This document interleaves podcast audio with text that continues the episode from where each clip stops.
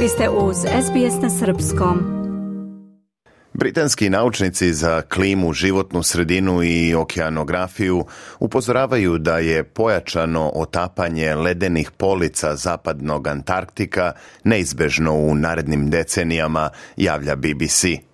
Ove plutajuće platforme leda koje se protežu od ledenog polarnog pokrivača do okeana predstavljaju ključnu zaštitu u zadržavanju glečera na mestima na kojima se nalaze. Nova studija pokazuje da će se otapanjem ledenih polica ne samo osloboditi velike količine vode, već će doći i do ubrzavanja leda u glečerima iza njih, a to bi moglo da dovede do oslobađanja još veće količine vode u okeane. Nalazi studije ukazuju na to da bi usled ovakvih dešavanja oko Antarktika budući porast nivoa mora mogao da bude veći nego što se ranije pretpostavljalo. Čini se da naši nalazi povećavaju verovatnoću da će trenutne procene povećanja nivoa mora biti premašene, rekla je za BBC dr. Caitlin Noten iz Britanskog centra za istraživanje Antarktika. Dr. Noten je inače glavni autor izveštaja.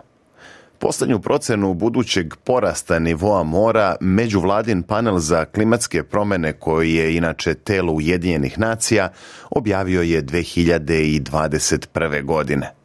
Tada je predviđeno da će prosječan porast nivoa mora globalno biti između 28 cm i 1 metar i 1 cm do 2100. godine. Kao jedan od ključnih razloga za rast mora i okeana, u tom izveštaju je navedeno upravo topljenje glečera i ledenih pokrivača. U tekstu pod naslovom Nivo mora raste, neizbežno topljenje ledenih polica zapadnog Antarktika, BBC piše da porast nivoa mora od oko 5 metara možda ne zvuči mnogo, ali i toliko povećanje bi dovelo stotine miliona ljudi širom sveta u opasnost od plavljenja obala. Također, međuvladin panel za klimatske promjene primetio i da je veći rast mora moguć zbog duboko neizvesnih procesa povezanih sa ledenim pločama. Ovo međutim nije direktno uključeno u njihove procene.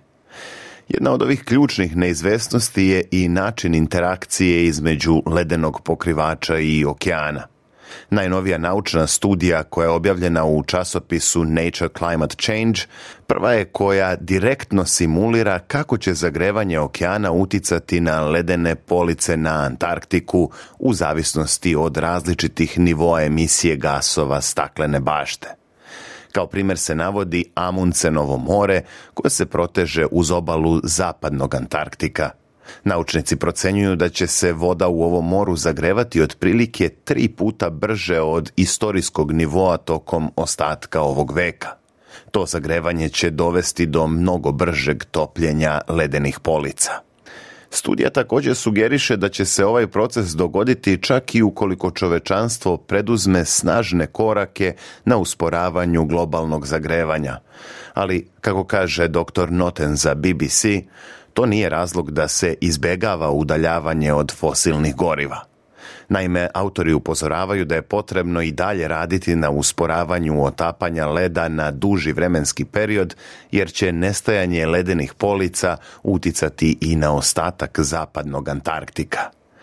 Inače, naučne studije ukazuju na to da antarktički ledeni pokrivač sadrži toliko leda da bi mogao da podigne globalni nivo mora za oko 58 metara ukoliko bi se potpuno otopio. Veći deo leda se održava na istočnom Antarktiku koji je relativno stabilan poslednjih godina i ne očekuje se njegovo urušavanje u bliskoj budućnosti ali i na zapadu je značajan deo ledenog pokrivača koji sadrži toliko leda čijim bi otapanjem mogao da se podigne nivo mora za oko 5 metara. Ova strana Antarktika se smatra manje stabilnom i posljednjih decenija primetno gubi masu.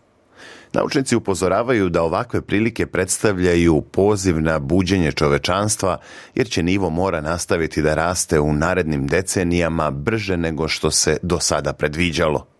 To će zahtevati i da će društva širom sveta morati da se prilagođavaju jer smo izgleda izgubili kontrolu nad topljenjem ledenog pokrivača zapadnog Antarktika, zaključuje dr. Noten.